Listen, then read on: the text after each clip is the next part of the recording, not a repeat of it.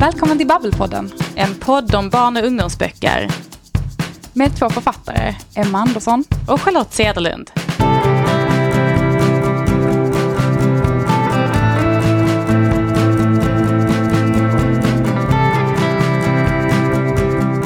Charlotte, vad tycker du om illustrationer i böcker?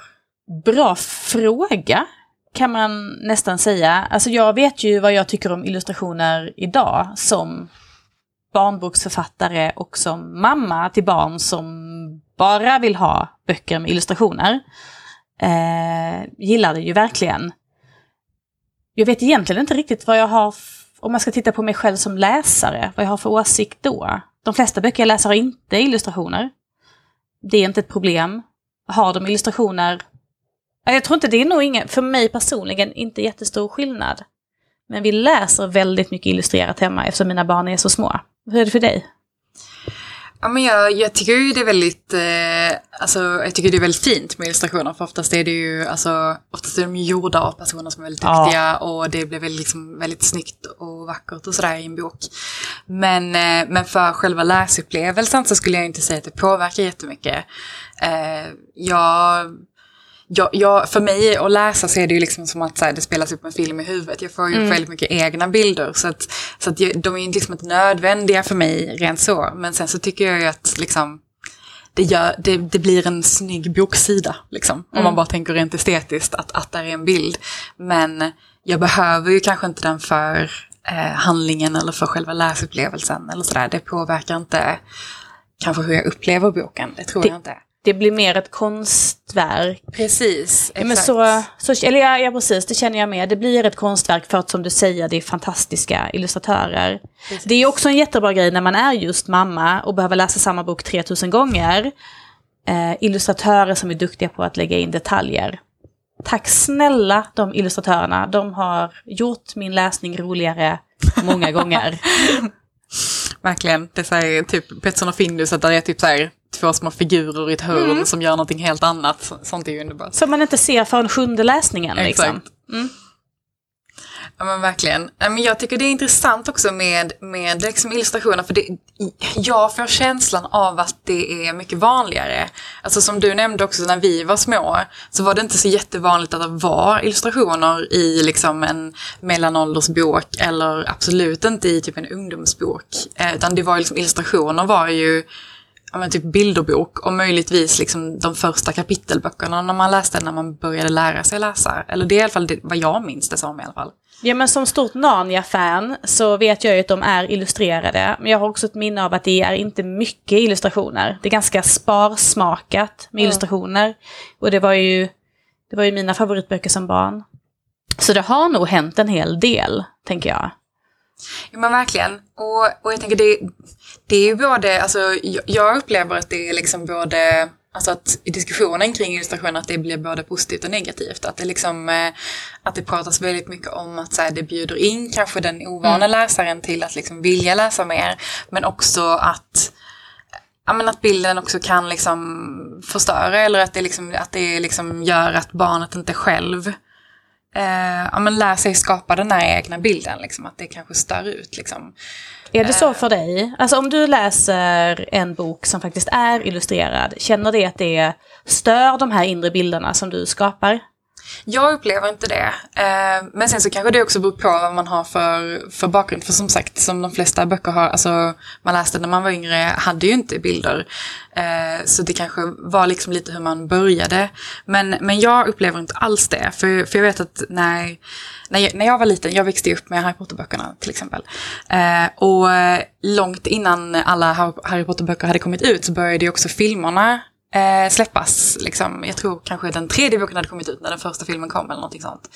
Eh, och då vet jag att jag hade en kompis som var jätteorolig över att se filmen för att hon var så, tänk om det kommer störa ut alla egna bilder jag har i huvudet om de här karaktärerna. Eh, och jag vet att jag tänkte jättemycket på det, att bara shit, liksom, kommer det att sabba allt liksom, nu? Jag vill ju ändå se mina bilder liksom, av, eh, av karaktärerna. Eh, men jag tycker det är jätteintressant för att eh, även om jag har sett filmerna och även om man liksom har eh, till exempel Harry Potter på framsidan på alla böcker, så är ändå min Harry Potter någonting helt annat än liksom, framsides Harry Potter eller film Harry Potter. Eh, min bild har liksom ändå bestått. Eh, den är fortfarande eh, som den är. Och, och jag, även om jag läser böckerna nu, alltså som vuxen, så är det liksom fortfarande den bilden som poppar upp i mitt huvud som jag liksom alltid har sett. Eh, det tycker jag är lite roligt, men eh, jag vet inte om det är liksom för att som sagt, jag lärde mig att, att se bilder i huvudet först, eh, eller om det liksom bara, det hade varit så oavsett. Ja, just det. Ja, men spännande. Jag tänker att hela den här eh, Eh, utvecklingen av barnboken är väldigt intressant. Det här med att vi får eh, fler böcker som är rikt illustrerade och att det kanske finns en känsla av att det är det de unga läsarna vill ha. Och jag tänker att det hade varit kul att grotta in oss lite mer i det och, och se om varför är det så? Varför vill man ha illustrerade böcker? Och, och vad är det egentligen barnen efterfrågar? Ja men precis. Och därför så tänkte vi ju prata idag med eh, Elisabeth Östnäs mm. som har skrivit eh, Asynja-serien som är en väldigt eh, populär serie just nu för mm. ja, mellanåldern 9 12 år. Mm.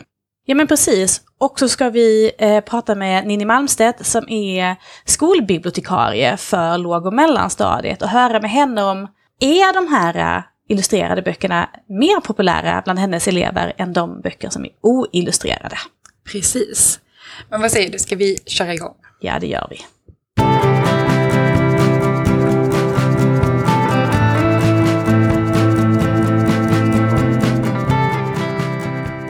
Hej Elisabeth, välkommen till Babbelpodden.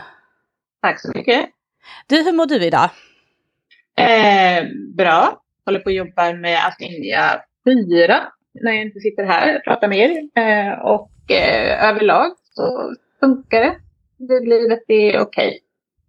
Okej, vad bra. Det är ju alltid härligt när man får skriva i alla fall. Eh, och vi vill ju definitivt prata mer om, om del 4. För det är ju just därför vi har bjudit hit dig till podden idag. Att vi vill prata om Asynja-serien som du skapar tillsammans med Lina Neidestam.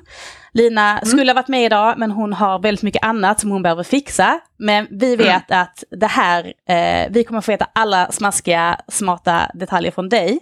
Eh, men jag tänker så här, innan vi börjar prata om just Asynja-serien, kan inte du bara börja med att berätta lite om dig själv och ditt skrivande? Jag är väl framförallt, skulle jag säga, en läsare eh, och har eh, läst eh, galet mycket ända sedan jag var barn och då skämdes jag för att jag läste så mycket så jag ljög om det och läste hemlighet och smög. Men det gör jag inte längre.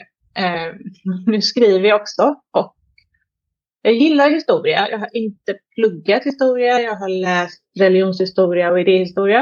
Eh, men den där historiska biten har jag nog alltid fått via historiska romaner. Eh, och när jag var liten så var det många historiska romaner på hyllorna. Idag är det inte mycket det. Eh, idag har man övergått nästan till fantasy istället. Fantasy har liksom sugit upp historiska böcker. Och det är väl där någonstans mitt skrivande är också. Jag skriver för att må bra, jag skriver för att tänka, jag skriver för att det är kul. Eh, kanske också för att jag måste. Typ. det kan vi ju känna igen oss i. Mm. Eh, jag tänker så här, du har ju skrivit flera historiska böcker, både för eh, barn, unga och vuxna. Och du har ju skrivit om vikingatiden tidigare eh, i Eh, Eh, det som väl var din barnboksdebut, Sagan om Turid, som ju både älskades och prisades. Vad är det med just vikingatiden som intresserar dig så mycket? Där är det nog egentligen religionshistorien som kommer in. För jag tycker att religion, alltså historien om hur människor har tänkt tycker jag är det mest spännande av allt. Och det, det finns ju mycket både i idéhistoria och religionshistoria.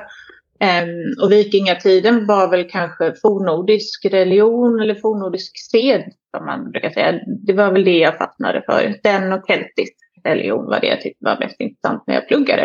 Uh, och jag läste massor och jag tentade en hel del och sådär. Och det är väl den biten jag ändå har i i ryggmärgen lite grann. Så att för mig är det ganska enkelt att skriva om vikingatiden eftersom jag tycker det är kul och jag kan mycket om det.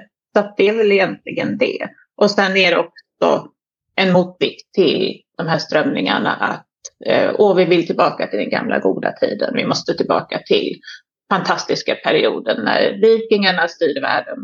Um, och det, det, är så mycket fel i det så att jag känner att jag vill skriva mer om hur det faktiskt var. Just det, för det var inte bara trevligt va? Det lär vi oss när vi läser dina böcker. Jag tror att alla tider utom den här har varit besvärliga att leva i faktiskt. Och, och, och, det är väl lite grann det man kanske kan tänka på. Att jag menar, vi, ska inte, vi ska inte segla tillbaka till någonting som faktiskt var fruktansvärt eh, påfrestande för alla. Nej, just det. Nej. Och du, om vi då hoppar till eh, Asynia-serien, för att där finns ju tre böcker hittills. Eh, den första boken kom ut 2021, heter Kungens grav. Efterföljdes av Freja svärd och sen så Völvans väv som kom ut nu i våras, om inte jag har helt fel.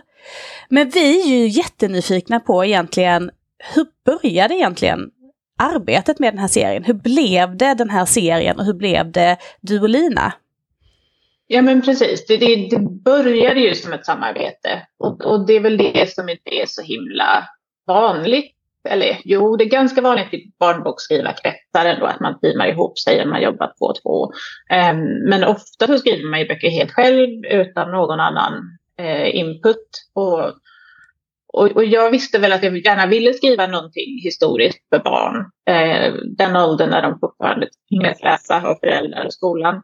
Um, och så tänkte jag också att det vore kul. Och vikingatiden känns enkel för mig. Och så Lina Ehm, hade jag haft lite, lite, lite kontakt med innan. Så jag frågade henne om hon var på. Och hon var på. Och sen drog vi helt enkelt igång ett projekt. Och så bollade vi väldigt, väldigt mycket under, under både faktiska träffar och telefon. Och det var väldigt kul att börja med den typen av brainstorming. För det är sällan man gör det när man skriver en bok. Hur eh, bra koll hade Lina på vikingatiden innan ni började jobba med det? Ja, hon vet, hon vet väldigt mycket. Hon har intresse för det och sådär. Så att eh, det tror jag absolut. Hon hade en fast grund också, vilket jag tänker... Men nu är ju alltså Asynia Fantasy ganska uttalat, men den är, i, i botten är den historiskt korrekt. Och, och där är det väl... Det, det känns ju ganska viktigt faktiskt. Och det tror jag det gör för oss båda. Vi, vi vill ändå liksom, vi vill ändå säga någonting om den tiden och vi vill framförallt säga någonting om tiden idag. Alltså vi skriver inte om vikingatiden för vikingatiden utan grejen är att det vi kan spegla i böckerna är, är ju det som är aktuellt i samhället idag. Toxisk maskulinitet och sådär. Just det. Så där gick både hon och jag igång och hade väldigt roligt. Ja, vad kul. Och jag tänker att, nu, du sa det egentligen kanske redan, men det kanske inte skadar att förtydliga, men att det som eh, åtminstone för mig känns lite unikt med ert samarbete är inte, eller är att du inte har skrivit först en text som Lina sen tolkar, va? utan att ni har jobbat tillsammans mm. med hela världen och storyn, va? Precis. Och vi, vi bollar fram historien och huvudpunkter och sen delas det såklart upp. För att mm. jag har ansvaret för texten och hon har ansvaret för bilderna. Så att där någonstans måste man ju ändå dra en gräns.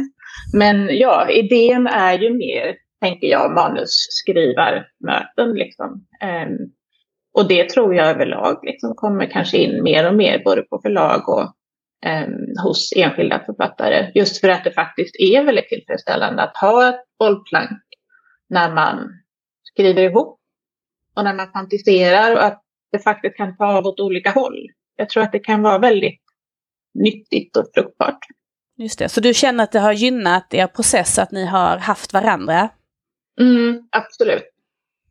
Definitivt. Och, och det är väl där jag också tänker att, att Asynja har blivit ganska mycket en, ska inte säga debattinlägg så, men vi är väldigt tydliga med vad vi vill. Och där kan man som ensam författare i, i kontakten med ett förlag så är man ofta ganska underordnad och, och det förlaget säger, det, det, det får bli så liksom. Även om förlag ofta är jättevänliga och snälla och verkligen tar till sig det man själv tycker så är det ändå, alltså, vi har ju ändå haft en egen bas. Vi har varit mer ett team.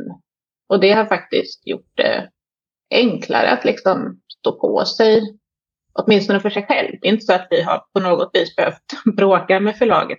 Men, men där kan man också liksom bolla så här, de tycker si, tycker vi så också. Och sen så kan man fundera kring det och sen så kan man återkomma med vad man kom fram till. Och där känner jag att, att som enskild författare är vi, alltså där är man fortfarande otroligt påverkad av.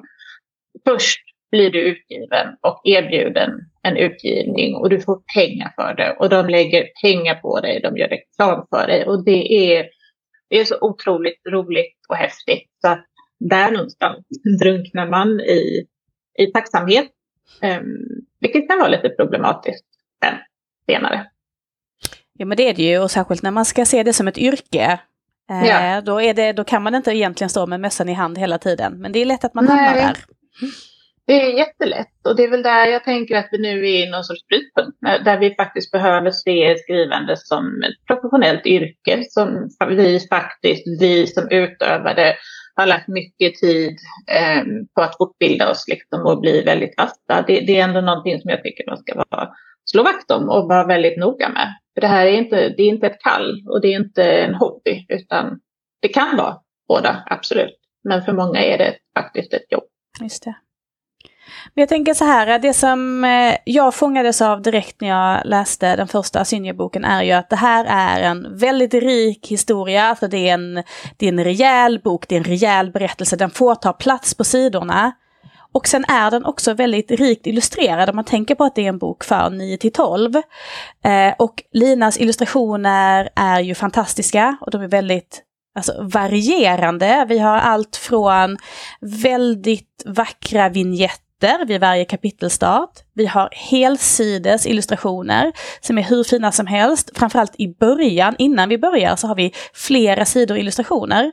Och sen har vi också någonting som nästan kan kännas lite så här serieteckningsstil, där vi har ett par rutor på en sida med, med liksom som visar hur händelsen går. Um, hur involverad har du varit liksom i diskussioner kring hur mycket illustrationer vill vi ha och och hur, vilka ska vi ha för att liksom lyfta berättelsen? Har ni jobbat tillsammans med det? Nej, det har vi inte gjort faktiskt. Och jag kan väl eh, erkänna att jag är tämligen eh, bildblind. Alltså jag är inte en, en visuell person. Jag kan uppskatta estetiska saker, men jag har liksom inte det fokuset. Jag är utpräglad textmänniska. Eh, så att där har ju inte jag, där, det är det förlaget och Lina mer som har bollat och gjort. Och sen så har vi såklart pratat om bilder, men där blir det ju mer kanske typ inspiration. Du vet, har du tänkt på den här gamla filmen från 80-talet? Och så, och där, men, men det är ju idébollandet jag tänker som, det är där vi har haft vår, vårt gemensamma. Det. Och, och, det är jätte, jättehäftigt tycker jag, med alla de olika illustrations eh, stilarna faktiskt. Och det är väl det jag också tänker att ofta blir det lite utslätat. Liksom. Alltså ofta kanske man gör bara precis samma rakt igenom för att det är, det är vant. Och jag tänker att då, då kanske man måste få tillåtelse både av förlag och sig själv att liksom ta ut svängarna och testa. Just det. Men jag tänker just eh, också med så här, karaktärer och miljöer. Nu pratade du lite om att ni så här, har ni sett den här alltså, samma filmreferenser och sånt. Men jag tänker, när man skriver kan ju det vara väldigt Alltså det kan bli väldigt tydligt ganska tidigt. Det är så här, oh, men jag tänker att hon ser ut så här och jag tänker att vikingabyn ser ut så här. Och särskilt du som har gjort så otroligt mycket alltså research och läst mm. in dig. Um, har li- Där är jag nog väldigt tacksam eftersom jag inte ser några bilder för mig när jag skriver överhuvudtaget. Faktiskt. None whatsoever. Så att um, jag köper det bara rakt av. Just det. Ja, men, så att, eh, men det låter ju egentligen eh, ganska optimalt på ett sätt. Att, eh, att Lina kan ha en jättestor kreativ frihet. Och sen antar jag att om du skulle se någonting som du tänker, det här stämmer kanske inte med hur jag tänker att det var. Mm. Så kan du Precis. pinpointa ner det. Och det är väl där jag tänker att det är lite grann så här när jag pluggar vetenskapsteori så är det den här när delarna är större än helhet, eller när helheten är större än delarna tillsammans. Du vet, ett plus ett är lika med tre. Alltså när man gemensamt kan skapa någonting som faktiskt är mer än den enskilda insatsen. Och det är väl det jag hoppas att vi kanske har gjort. Just det. Men jag tänker så här också, det här ska ju bli fem delar. Eh, mm. Om inte jag har fel. Eh, jag, du sa att du satt, i inledningen så sa du att du satt och jobbade med del 4. Eh, mm. Vilket känns jättespännande. Vad blir titeln på den? Vargavinter. Vargavinter. Mm. Har ni haft, eh, ganska ofta när man skriver serier så har man ju kanske en dramaturgisk båge för varje bok och sen har man en längre dramaturgisk båge som spänner över hela serien. Har ni haft den här långa bågen redan från start? Ja, det hade vi. Eller det var vi tvungna att ha helt enkelt. I och med att det var ett så pass stort jobb. Det som skiljer, det, det som, ofta när man skriver en serie så är det ju avslutade äventyr. Liksom. Det är samma värld, det är samma karaktärer och allting utspelar sig. Typ, tänk fem böckerna som alltid, alltid hade sommarlov eller påsklov. Eh, och borde ha varit 45 i sista boken, men det var de inte. Men, men där någonstans är det ju ganska enkelt att man, liksom, man skriver så. Ehm, men vi ville inte det, utan vi ville att alla böcker skulle bygga på den föregående och alla tillsammans skulle då bli det här episka. Ehm, och det jag tror inte vi var fullt på det klara med hur otroligt svårt det skulle bli. Men, eh, för det är det verkligen. Ehm, det är inte lätt. Men vi pratade med förlaget om det från början och då var de också väldigt tydliga med att ni måste liksom ha världen, ni måste ha stora bågen, eh, synops och så vidare. Och, och de flesta författare gillar inte att skriva synops och jag är en av dem. Eh, men ändå någon sorts, det är bara lite så här tillyxat. Vad började. Vad slutade, det? Vad, vad händer i mitten? Så att ja, det, det måste man nog. Annars hade, annars hade det nog fallit samman för länge sedan tror jag. Det här bygget. Känner finns du... fortfarande risk för det? Nej, det finns inte. Men det, det, är, liksom, det är ju det här, få ihop. Eh, inte glömma, komma ihåg vad som stod i, på sidan tre i första boken. Det, det, det är där vi faktiskt har ett jätte, jätteproffsigt förlag eh, bakom ryggen och det är vi otroligt tacksamma för. Just det, ja nej men för att eh, det känns ju som att det är viss risk att man får läsa igenom de tidigare böckerna många gånger under processen. ja, eller det, jag, jag har inte gjort det, men vi, vår stackars redaktör och den förra redaktören får göra det. Eh, faktiskt. Och även externa korreläsare och sådär. Så att det är ju det är mycket jobb. Men, men jag tänkte faktiskt på det, jag läste nyligen om En ring av järn av Susan Cooper. Har ni, någon av er läst den? Nej. För länge Nej. sedan. Var, mm, du har typ, läst den? Ja, typ när jag gick i mm. högstadiet tror jag. Eller någonting sånt. Mm, för jag älskade dem eh, när jag var elev ungefär. Ehm, och nu läste jag om dem nyligen på engelska liksom, för att kolla så här. För jag har alltid gillat dem och sådär. Och jag har försökt få mina barn att läsa dem. Och de har stenvägrat allihopa och tycker de är jättetråkiga och ingenting händer och sådär. Och där är det ju det är fem böcker. Och de bygger också på varandra. Det är avslutade liksom, grejer som tillsammans då på slutet ska bli den här stora kampen mot, mellan mörker och ljus. Och det är väl, jag tror att jag nog har haft det i bakgrunden någonstans. Liksom, att det, det, är lite så här jag vill ha en, en, del som man faktiskt kan läsa separat men som också eh, ger något helt annat om man läser alla i följd. Just det. Jag tänker din eh, andra vikingaserie, Sagan om Turid, där var ju tre böcker i den. Är det stor skillnad mm. på att skriva tre böcker och fem böcker? Ja, det är det. Eh, och, och Turid-böckerna var ju betydligt mer avskalade. Det var en person.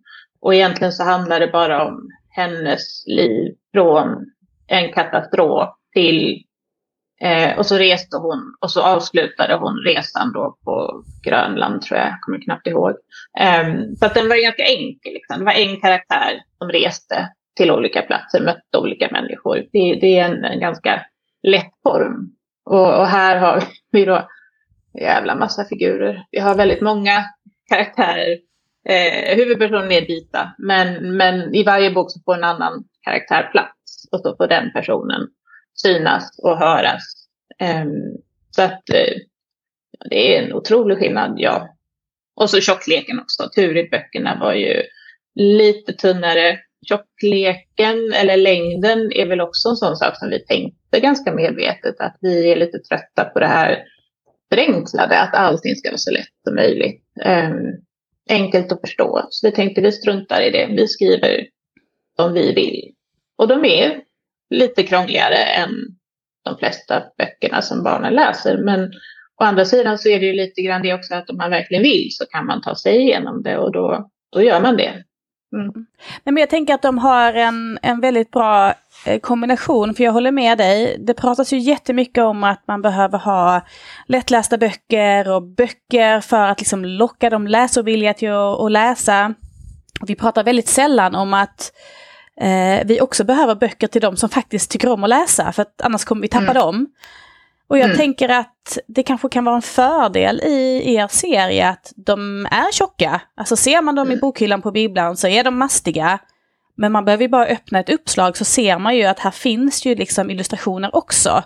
Som kan mm. fungera mm. alltså, som lässtöd, som bara att lockas till att läsa fram till nästa bild. Liksom. Jag tänker att det mm. är en bra kombination. Men vad har ni fått för kommentarer från läsare eller kanske lärare och bibliotekarier om, om era böcker? Överlag har vi faktiskt bara fått väldigt, väldigt bra reaktioner. Eh, och jag, jag, tänker också att det är väl kanske lite där det fyller någon sorts eh, hål ändå. Just för att det är så väldigt enkelt nu. Och läsning ska absolut vara till för alla. Men, men som sagt, som du sa, alltså man glömmer de här barnen som faktiskt kan och vill läsa. De som tycker det är roligt. Eh, och jag upplever nog också att även de som inte är jättevana läsare kan ta sig igenom med lite jävlar anamma. Och, och det är väl där jag tänker att det, jag menar, man gör med grönsaker liksom. Alltså, man behöver lite fibrer i, i kosten för att inte kroppen på sikt ska bli ganska dålig. Eh, och, och det är där jag tycker att många i vuxenvärlden är väldigt försiktiga man vill absolut inte tvinga barn att läsa. Det ska vara roligt från första början. Och, och ingenting är speciellt roligt från första början. Alltså man måste träna på allt innan man blir duktig och det liksom kommer av sig själv. Och det är väl där jag tänker att en bok kan vara både svår och bra. Mm.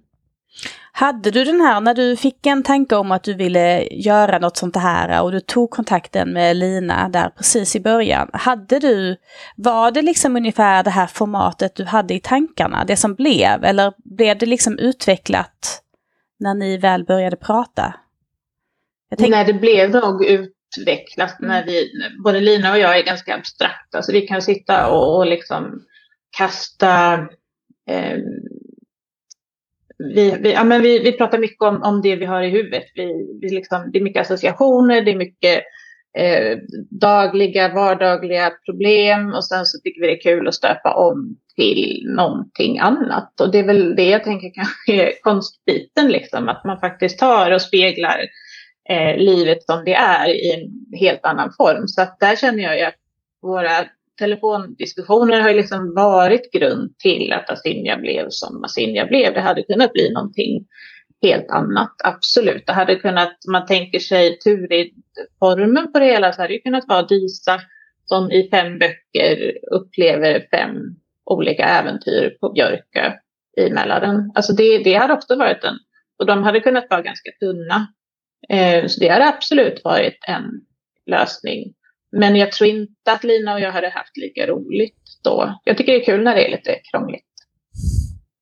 Har ni eh, liksom haft varje bok ganska tydligt och klart framför er eller har ni liksom, hörs ni även på daglig basis liksom och bollar arbetet under tiden? Eller vet ni liksom inför, inför varje bok att ja, men nu, nu kör vi på detta liksom? Ja, men vi, vi måste ha ett möte först liksom, innan jag börjar skriva.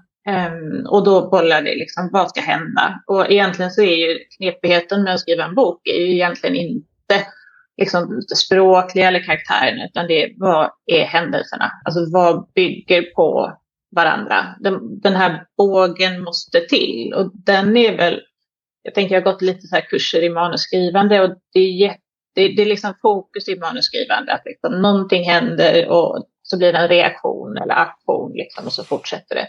Och det är, väl, det är väl den biten som vi har fått hjälpas åt med, även förlaget. Vi har en fantastisk redaktör nu som är författare själv och hon är jättebra på att liksom eh, input, liksom, när saker inte funkar, när det måste ut så. För det är egentligen, det är ju händelserna. De är inte klara från början. Vi har en ganska, jag har en ganska så här suddig bild av liksom, boken.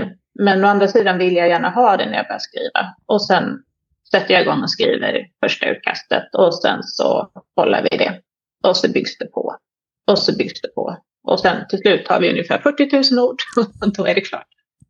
Hur lång tid tar en process? Om vi säger nu, ni, vi kör så från första, första mötet, nu jäklar Lina, nu kör vi igång på en ny bok. Hur lång ser en process ut sen? Liksom, du ska skriva, det ska stämmas av med redaktörer, det ska illustreras ganska mycket illustrationer. Mm. Um, men första samtalet. Jag, jag är en av dem som läste Stephen Kings bok Att skriva för många, många år sedan. Och han, han är väldigt tydlig med att skriva typ 2000 ord per dag ehm, så har du ett normallängd manus på tre månader. Så att jag är väl ändå ganska så här, skriver ihop snabbt och intuitivt liksom första. Och det kanske tar två, tre månader, tre månader kan vi säga.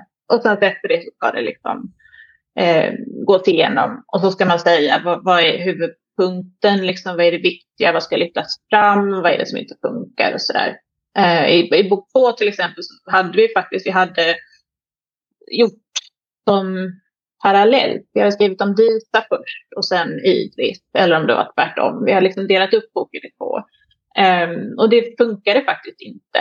Um, så att vi var liksom tvungna att lägga det omlopp sen så att det blev en huvudhistoria och så blev det då inslag av den andra historien. Ehm, och det var rätt så, det var mycket jobb. Ehm, och det var också intressant just för att det där gick inte riktigt att se innan faktiskt, förrän det var klart. Alltså det är många grejer man måste göra så, men man måste ha en text att börja med. Sen kan man börja knåda och förändra, men ehm, texten måste nästan komma först, tror jag. Det är ju det som är lite tufft ibland med skrivandet, att man vet att man måste göra det fel först innan man kan mm. göra det rätt. Ja. Men ja, samtidigt så är det ju, tänker jag, den där felaktiga versionen och det är, väl, det är väl det som stoppar så många, tänker jag, för att man är så himla vad man vet, det får inte bli fel, det ska bli rätt. Och där, där tycker jag skolan har ett ganska stort ansvar. Eh, så att när jag Eh, när jag hade skrivarverkstad senast var jag i Åkersberga så försökte jag säga till unga, skriv så dåligt ni kan. Skriv riktigt, riktigt kast. Liksom. Bara ni skriver, skriv, skriv uselt. Ehm, för att ofta så kan det få igång er, liksom, om man har den tillåtelsen att, att göra någonting riktigt kast. Och det, det kan vara rätt befriande. Du, jag är lite nyfiken på också, för du sa här eh, innan att det är fantasy men det har liksom en historiskt korrekt grund. Hur gör du för att få ihop de två delarna? Ja, det är ju inte egentligen svårare än annan fantasy. Alltså nutida fantasy. Man tänker liksom, har vi många skriver om Malmö till exempel och så, så stoppar man in fantasyinslag. Liksom. Det är konstiga gränder och dörrar. Och Harry Potter är ju också väldigt typisk engelsk-brittisk liksom, bakgrund.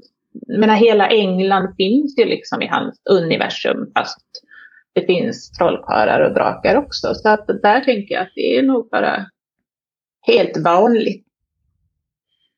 Just det, men jag tänker eh, att en fördel med att skriva om dåtid, och särskilt så långt bak i tiden som vikingatiden var, det är ju just att man trodde ju på mer saker då än vad man gör idag. Att det kanske är, tyck, är det enklare liksom att väva in fantastiken och få den att kännas som vikingatid, tycker du? På sätt och vis. Det, det jag det jag kanske har lite, lite svårt för det är att, att helt anta en troende persons vinkel därför att jag är så väldigt ateistisk själv. Eh, samtidigt så är jag otroligt intresserad av religion. Och jag är väldigt fascinerad av sekter. Och nu precis innan eh, vi hade det här så har jag tittat på en ny eh, serie på Netflix som handlar om ett par som då har liksom skapat en, en sekt. Och, och deras deras ledord är Twin Flame. Man letar hela livet efter sin sanna själsfrände, sin Twin Flame. Och då har de liksom skapat en hel, ja, hel rörelse kring detta. Så jag skulle säga att ja, vi kanske inte tror lika mycket på gudar idag i Sverige, men vi tror på andlig utveckling, vi tror på tarotkort, vi tror på alltså jag, jag tror att trosdelen är ganska stark hos alla människor. Um, och det är ju bara att se på liksom, Nexium-kulten och sådär, liksom, hur långt det faktiskt kan gå utan att man överhuvudtaget pratar om Gud.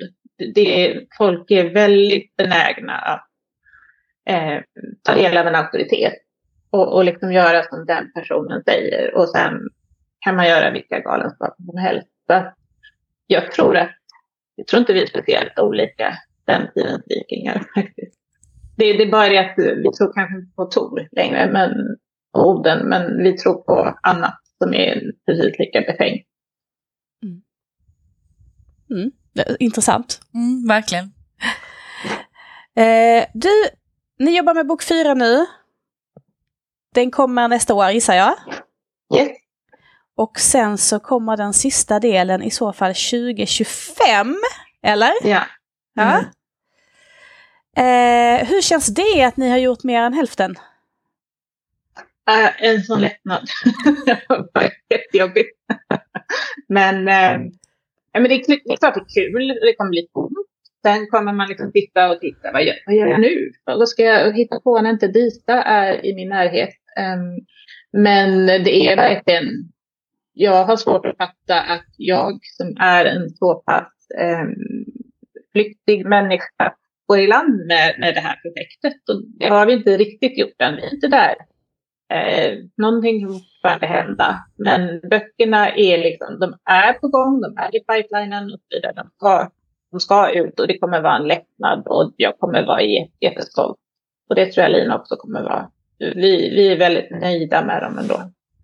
Kommer ni sakna, nu är det, det är ju en bit kvar som du säger så att eh, ni behöver inte säga hej då till varandra än, men tror ni ni kommer sakna det här samarbetet, att ni hörs, att ni rings, att ni bollar? Tror ni att ni kommer behöva mm. göra det igen? Jag tror att, att det kommer att bli betydligt vanligare för många. Ja, jag tror det. Jag tror att, att vi Eh, och jag har gjort det lite grann med Sveriges Radio också när jag har skrivit för dem. Då har de ju en dramaturg liksom som ringer upp och, och så bearbetar man en novell till ljud. Och den typen av samarbete är så otroligt tillfredsställande och roligt. Så att jag tror att absolut, jag kommer vilja göra det igen. Och jag tror många andra också kommer starta. Just det. Det känns som att vi egentligen vet vad du har att göra fram till 2025. Men som avslutande fråga, eh, har du någonting annat spännande på gång som du vill berätta om? Jag håller faktiskt på och jobbar ganska intensivt med min mormors mors eh, liv. Um, jag, jag, vet inte ens om det, vilken form, om det ska bli fakta eller fiktion. Men där någonstans är jag väldigt, väldigt djupt nere i arkiven och letar och eh, hittar en hel del. Så det, det, är kul. Men det är inte, det är inte för barn. Eh, så det är ingenting för Babbelpodden. Men vi får se vad det blir. Det låter ändå väldigt spännande. Vi ser fram emot både det och mot fortsättningen på Asynja-serien. Tack så mm. jättemycket Elisabeth för att du ville komma och prata om Asynja med oss idag. Tack själva.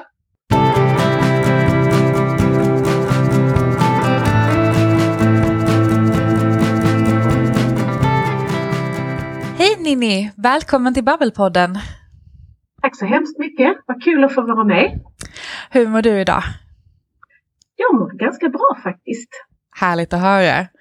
Vi har ju bjudit in dig här idag för att vi skulle vilja prata lite om eh, men, samspelet mellan illustration och text i böcker och sådär. Men eh, innan vi drar igång så eh, skulle inte du kunna berätta lite kort om dig själv och vad du gör? Jag heter alltså Ninni Malmstedt och jag arbetar som eh, skolbibliotekarie på Rinnebäcksskolan i Kävlinge.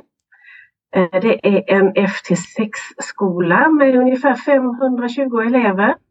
Tre paralleller, så det är 21 klasser. Eh, där är också en autistenhet och anpassad grundskola. Ehm, jag har jobbat där sedan 2014 och min tjänst är på 100 procent. Den har ökat successivt i takt med antalet elever på skolan. Så när jag började 2014 så var den på 50 procent. Så det är en rejäl ökning. Verkligen. Eh, och vad jag gör där? Ja, jag arbetar framförallt läsfrämjande och med medie och informationskunnighet. Och ehm, ja, har världens bästa jobb helt enkelt. det låter verkligen som det. Vad roligt att du vill vara med här och prata med oss idag. Eh, vi har en spaning kan man säga. Eh, och det är att vi upplever att det blir vanligare och vanligare med illustrationer i böcker och även liksom längre upp i åldrarna, inte bara liksom för de riktigt små barnen. Eh, är det en spaning som du skulle hålla med om? Absolut. Eh, jag tycker att det märks framförallt i eh, mellanåldern, alltså 9 till 12. Där har det kommit ganska många illustrerade böcker nu de senaste åren. Ehm, jag tycker att det tog fart med Paxböckerna av eh, Åsa Larsson och Ingela Korsell. Det fanns innan också, men efter de böckerna så har det liksom blivit fler och fler. Och jag upplever också att fler och fler blir färgade, alltså eh, med färg i. Så att det är inte bara svartvita illustrationer längre. Utan eh, mycket färg och stora illustrationer. Sen har jag också noterat att det har spilt över även på ungdomsböckerna. Eh, Pam Smaj har skrivit två fantastiska böcker, Gömstället och Tornhill. Och där har illustrationerna en stor betydelse för berättelsen. Så absolut. När ett barn kommer in till dig idag och vill låna en bok, eh, brukar de fråga specifikt om bilder då eller är bilderna viktiga för dem när de liksom eftersöker en bok? Berättelsen är oftast viktigast. Men eh, ja, många frågar efter bilder, det gör de. Eh, även, även högre upp i åldrarna. Kanske inte så mycket de som läser ungdomsböcker än. Men eh, det den här mellanåldern 9 till 12, där, är det, där frågar man gärna efter illustrationer. Men det är inte det som avgör om de väljer boken. Utan är det en spännande berättelse som de kan tänka sig att läsa så tar de boken även om inte där är några illustrationer. Det är mer en bonus. Hur eh, har detta förändrats under din tid som bibliotekarie? För nu har du ju varit bibliotekarie under en väldigt lång tid. Har, såg det annorlunda ut till exempel när du började på skolan 2014? Ja, det gör det. Eh, jag började jobba som bibliotekarie 2012. Och som jag kommer ihåg det då så var inte frågan om, om bilder i böckerna särskilt stor då. Utan det har, eh, det har ökat det kan ju vara så att eleverna är mer vana vid att läsa bilder nu för tiden. Det har blivit ett naturligt inslag. Det kan också vara så att eleven i fråga behöver stödet, samspelet bild och text för att det ger ett större sammanhang till texten och lättare att förstå boken. Så eh, ja, det har ökat och det är inget jag liksom kommer ihåg sedan när jag började. Sen vill elever ofta ha, eller en del elever vill gärna ha eh, tjocka böcker med lite text och mycket bild. Och eh, då är det ju härligt att kunna visa på det lättlästa beståndet. För det uppfyller i alla fall två av tre kriterier. Där är bilder och där är lättare och kanske mindre text. De är oftast inte så tjocka dessvärre. Varför vill de ha tjocka böcker? Det är lite status kanske.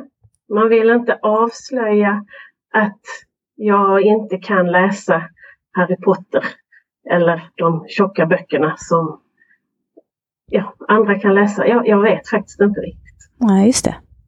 Men det är en tanke i alla fall. Vad tycker du personligen om illustrationer i böcker för barn?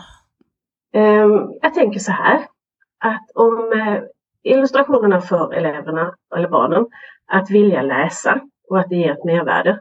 Så absolut. Eh, själv läser jag helst böcker utan illustrationer. För det kan haka upp läsflödet lite för mig. Och även andra elever kommer och väljer bort böcker med illustrationer just av samma anledning. Det stör läsflödet lite grann. Men annars så, eh, nej, varför inte? Jag tror att det är ganska många som, som tänker som sagt och lite där som kanske barnen med de eh, önskemålet om en tjock bok men med mycket illustrationer kanske, eh, det kanske säger någonting men, men liksom är en illustrerad bok automatiskt en lättare bok? Eller upplever du att de liksom ändå har kanske samma, samma svårighet i texten eller samma liksom text som, som en icke-illustrerad bok? Nu är det ju så eftersom att illustrationerna kommer även i böcker som inte är uttalat lättlästa. Eh, så snarare kanske det är så att, att böckerna får ett större omfång för att bilderna ska få plats. För att om man tittar på till exempel böckerna om Asinja så är de ju absolut inga lätta berättelser. Utan det kräver ganska mycket av läsaren för att ta sig igenom och förstå sammanhanget i de böckerna. Men det är ju fantastiska illustrationer som förstärker. De blir inte lättlästa bara för att de är illustrerade. Vi funderade lite kring det här med just att liksom se, se färdiga illustrationer kontra liksom att framkalla bilder själv i huvudet. Vad, vad tror du, liksom, vi, vi kan ju bara spekulera för det är ju ingen av oss som, som, som liksom forskar på det här. Men liksom, tror du att det hämmar barn att se färdiga bilder istället för att liksom behöva på något sätt utveckla det här själv i huvudet? Eller, liksom, eller kan det vara en inkörsport att ha sett liksom de färdiga bilderna och, och att det, man kan sedan spåna vidare själv? Eller hur, hur tänker du kring det? Det är som du, jag vet inte heller. Ja. Eh, jag har inte sett någon forskning att det skulle vara hämmande utan snarare den forskning som jag har sett är väl att, att bilderna där eh, liksom kan stärka texten för de som behöver det. Och kanske finnas som inspiration för de som redan har förmågan att skapa bilder av sig själv. Jag tror inte att det är någon, något hämmande. Och som sagt, vissa väljer ju ändå bort för att de tycker att bilderna stör läsflödet eller kanske till och med att det stör deras egna bilder i huvudet som de själva kan skapa. Barnen är ju mer vana att läsa bilder idag. Det kan finnas som ett stöd för de som behöver det helt enkelt. Och annars blir det mest bara en bonus. Som du säger nu så, så är ju det här en, en, eh, en stark trend just nu. Liksom. Eller det, det känns som att det dyker upp mycket och som du säger det, det kryper även upp i, upp i åldrarna eller även eh, liksom i ungdomsböckerna. Eh, tror du att det är så för att det är typ en trend just nu eller är det för att bilderna behövs för de läsare som växer upp just nu? Eh, lite både och. Eh, jag tänker att man, om man märker att böcker med bilder i säljer bättre och kanske lockar mer så eh, det är ju ett, ett, bra argument för att, att själv ha bilder i sina böcker. En del har kanske valt det för att man har en tanke själv. Ehm, så ja, men det är nog lite både och. Och som sagt, eleverna blir mer och mer bildvana och vana att läsa bilder. Så att jag tänker att det kanske blir ett, en mer vanligt, att det kanske blir vanligare och vanligare helt enkelt tänker att vi också, eh, vi, vi tävlar också med mycket bildmedier generellt kanske, med, med tv-spel och, och sånt där. Så det, ja, det kanske, vi kanske behövs för vi ska kunna, kunna liksom kon eh, konkurrera med, med allting annat kanske. Och som sagt, har man då möjlighet att få bilder i sin bok och det finns en större chans att, folk, att eleverna läser den och, och väljer den så är det ju ett incitament i sig. Verkligen. Skulle du avslutningsvis, ser du någon, eh, någon liksom skillnad på, på alltså tjejer och killar eh, när det gäller liksom att välja böcker med illustrationer? Liksom är, det, är det lika vanligt bland liksom, eh, båda grupper eller är det någon skillnad där? Om jag tänker lite snabbt att det kanske är mer böcker som har lite action och spänning i sig som illustreras. Eh, Medan böcker med vardagstema inte illustreras på samma vis. Jag tänker igenom bokhyllorna på skolan nu. Det kan vara så. Eh, men nej, jag vet inte riktigt. Men eh, det känns som att frågan kommer från båda könen. Så att sen om det är lika mycket eller lika ofta, det, det vet jag inte riktigt. Jag ska fundera.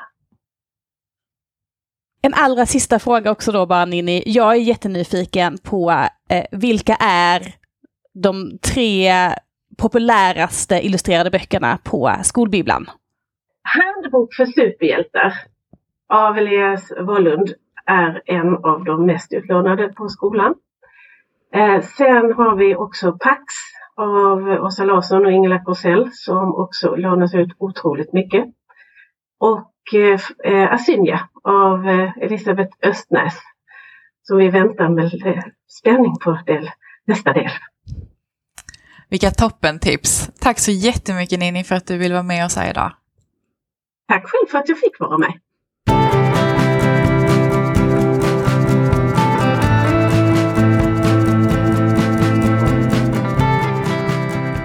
Ha, Emma, kommer du gå och låna fler illustrerade böcker på bibblan nu eller? Ja, men varför inte? Som sagt, de är ju väldigt, väldigt tjusiga, om inte annat. Så uh, why not? Mm.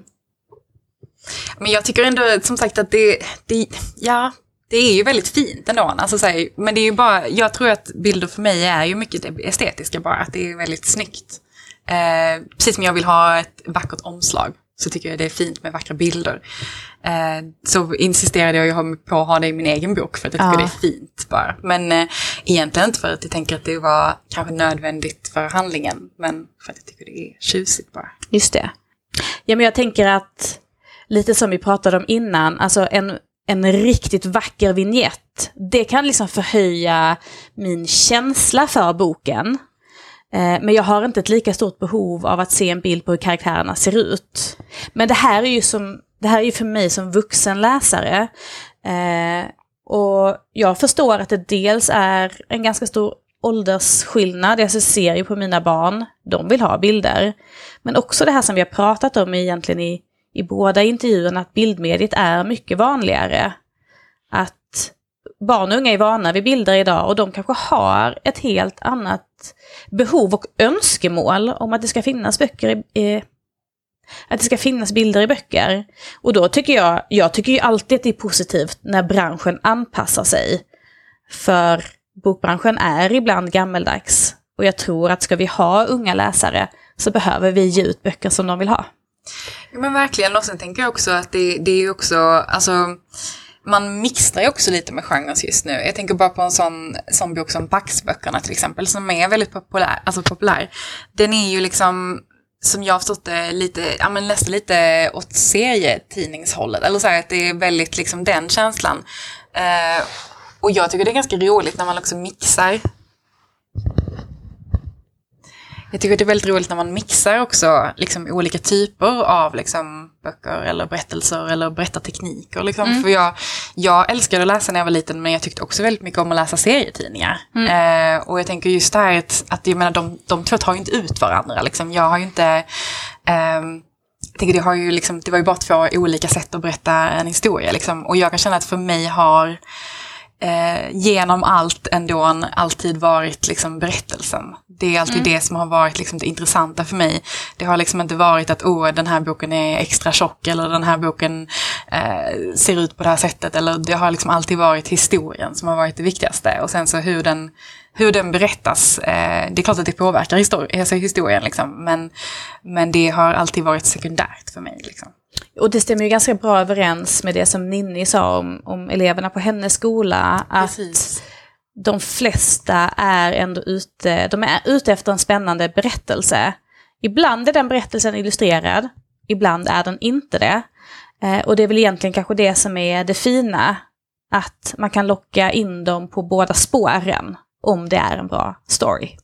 Men jag tänker att alla medel är tillåtna när vi vill få barn att läsa. Definitivt.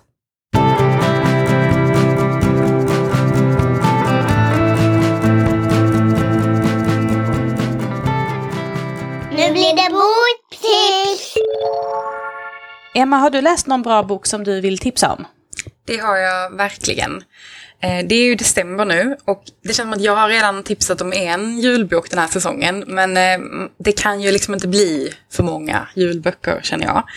Eh, så därför så kommer jag att tipsa om en bok som heter God Jul Ester Jansson. Och det är som sagt något som är oerhört mysigt som en julbok. Alltså december för mig är ju liksom julfilmer och eh, julbok och det här är liksom Ja, det här är så mycket mys. Um, och den är skriven av Johanna Lindbäck och tänkt för nio år uppåt. Uh, kom ut på Lilla Piratförlaget i år. Och det handlar om Ola som går på mellanstadiet. Och hans föräldrar har nyligen skilt sig och det här är liksom första julen eh, som de ska fira nu med skilda föräldrar. Eh, och eh, Olas pappa har då liksom fått ta julen i år. Och han tycker det är liksom lite jobbigt att så här, ingenting kommer att bli som vanligt. Eh, mamma kommer inte vara där, släkten kommer inte vara där. Eh, och man förstår liksom att så här, pappan har bestämt sig att men, för att julen ändå ska bli lite speciell och inte bara sorglig och tråkig i den här nya lägenheten som han har varit tvungen att flytta i. Så ska familjen eh, hyra ett hus på Gotland eh, och alltså komma iväg och fira en helt annan typ av jul. De ska mysa och ta det lugnt och de ska kolla på julfilmer tillsammans bara liksom, ja, man försöka tänka positivt helt enkelt. Eh, men ingenting går ju såklart som planerat. Ola och hans familj anländer i full storm till Visby. Eh, och när de kommer fram till det här huset som de ska hyra så visar det sig att det redan bor en annan familj där som också ska hyra huset över jul. Och det är ju inte heller vilken familj som helst för det råkar ju nämligen vara så att det är Ester Jansson som är Olas stora crush från parallellklassen. Eh, och jag vill inte säga mycket mer eh, än så här, eh, hur de löser det. Men eh, det här var verkligen en super, supermysig eh, bok. Eh, jag tror att alla vi som har haft en crush någon gång har tänkt tanken att tänk om den personen skulle dyka upp på ett ställe där man liksom, där de kanske skulle vara tvungna att umgås med en lite mer än vad de liksom är i vardagen. Vad skulle hända då? Skulle de liksom upptäcka vilken intressant person man är under den här tiden. Lite så blir det för Ola nu när liksom eh, helt plötsligt så liksom tvingas man bo i samma hus som sin stora crush. Eh, och det var verkligen ja, men, jättemysigt, väldigt fint också. Eh, som vuxen känner man ju oerhört starkt med den här stackars pappan som försöker få det att fungera i liksom, eh, trots alla katastrofer som drabbar den här liksom, julvistelsen. Men det blir ju liksom såklart bra till sist och eh, jättehärligt trots allt. Eh, vilket ju jag tänker att en, en god julberättelse ska vara. Att det ska vara sådär lite katastrofigt men eh, alla liksom lever lyckliga alla sina dagar till slut. Eh, vilket jag tycker att man behöver sådär i juletider. Så, men stort, stort tips verkligen om man bara vill ha liksom härliga känslor bara. Den låter jättemysig. Verkligen. Har du läst någonting bra Charlotte? Ja men det har jag. Jag har läst en historisk barnroman för 9-12 som heter Mot okänt land. Eh, som är skriven av Camilla Lagerqvist och som har kommit ut på Bonnier Carlsen. Det här är en berättelse som utspelar sig eh, under slutet av 1939 och sen under 1940 i ett litet samhälle utanför Helsingfors i Finland. Och vi får följa Vivi som är en helt vanlig tjej när boken börjar. Hon går i skolan, hon hänger med sina kompisar och hon har en crush på sin klasskompis som heter Jere. Men sen kommer ju kriget till Finland och ryssarna fäller bomber från sina flygplan och Vivis liv förändras helt. Så istället för att gå i skolan så gömmer hon sig i potatiskällaren i huset hemma varje gång flyglarmet går. Det blir vinter, det blir ruskigt kallt, maten börjar ta slut, det är svårt att få transporter från Helsingfors. Och till slut så bestämmer mamma att Vivi och hennes lilla syster Tuliki som bara är två år gammal, de ska resa med barntågen till Sverige för att få liksom ett bättre och säkrare liv. Och Vivi vill absolut inte resa. Hon gör allt för att stanna. Hon försöker övertala mamma. Men mamma har verkligen bestämt sig. Och en kväll så blir Vivi och Tuliki upphämtade av en lastbil som ska köra dem till tågstationen i Helsingfors. Och det där är början på en väldigt spännande men också väldigt hemsk resa. Eh, när de här barnen ska försöka ta sig till säkerheten i Sverige. Resan är krokig, den tar längre tid än den borde, den är kantad av död och förstörelse och det enda som är det riktigt ljusa egentligen i den här berättelsen det är ju att Vivis crush, Jere, han ska ju med samma tåg. Likadant som i boken du pratade om så är det här att de hamnar på samma ställe och tvingas se andra sidor av varandra och tvingas finnas som stöd för varandra och det blir liksom ljuset i den här berättelsen. Och jag tycker att det här är en jättebra bok. Den känns otroligt aktuell. Både med tanke på det som fortfarande händer i Ukraina och det som händer nere på Gazaremsan. Och insikten i att det alltid är så här det är. Att när det blir krig, när det blir oroligheter så är det barnen som drabbas allra hårdast. Eh, och jag tycker att det känns liksom i hjärtat och magen, både när man förstår det här mammans beslut att faktiskt skicka bort sina barn till säkerheten, men också barnens liksom paniken över att behöva lämna sin familj och åka till ett land som man aldrig har varit i. Eh, och det är ju tyvärr någonting som händer varje dag just nu med, med barn. Och Camilla Lagerqvist, hon är ju en riktig stjärna på historiska eh, skildringar och det här är inget undantag. Det är en fantastiskt välskriven bok. Eh, detaljer i språket och beskrivningar gör att jag jättesnabbt känner att jag är i i 40-talet och i den här miljön och i Helsingfors. Och när boken slutar så vill jag egentligen ändå fortsätta läsa. Och det är tur för mig, för det här är första delen i en ny serie som heter Krigets barn. Och jag kommer definitivt läsa del två när den kommer. Det låter jättespännande och som sagt väldigt intressant del av historien också. Man har inte hört så jättemycket om finska vinterkriget tycker jag. Nej, det har man inte. Ja, men det här var allt för oss idag och faktiskt allt för den här säsongen. Jag vet, så himla sorgligt. Ja, men verkligen. Och eh, vi brukar ju alltid kunna komma med ett sånt där litet surprise. Vi kanske kommer tillbaka väldigt snart igen. Men vi vet faktiskt inte om vi kommer tillbaka till våren. Vi har inte fått eh, några svar på alla bidragsansökningar och sånt än. Precis, så vi är i stand-by-läge kan man säga. Exakt. Vi hoppas verkligen att vi får fortsätta göra detta under våren. Eh, och vi hoppas att vi kommer med lite positiva besked lite längre fram. Men just nu vet vi inte. Nej, så eh, vet du, ni får hålla utkik på eh, våra sociala medier helt enkelt. Så eh, ni får veta det så fort vi vet det.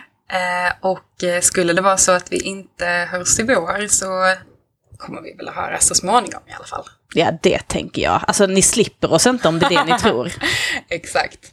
Men ni får jättegärna lov att höra av er till oss eh, om ni har liksom tankar kring böcker vi borde läsa eller ämnen vi borde ta upp i en eventuell ny säsong. Så får ni jättegärna lov att mejla oss eller skicka ett DM eller kommentera på någon av våra inlägg så eh, blir vi jätteglada. Verkligen.